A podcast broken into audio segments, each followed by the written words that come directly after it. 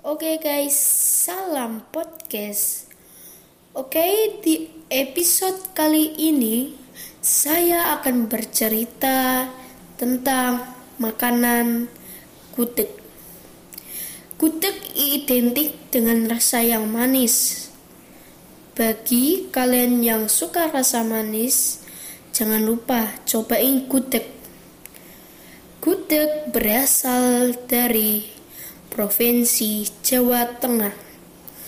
Gudeg terbuat dari nangka muda yang dimasak dengan santan.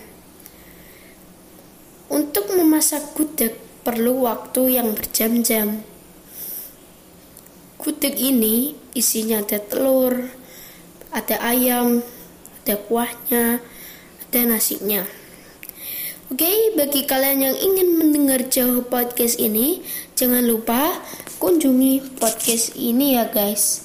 Bye.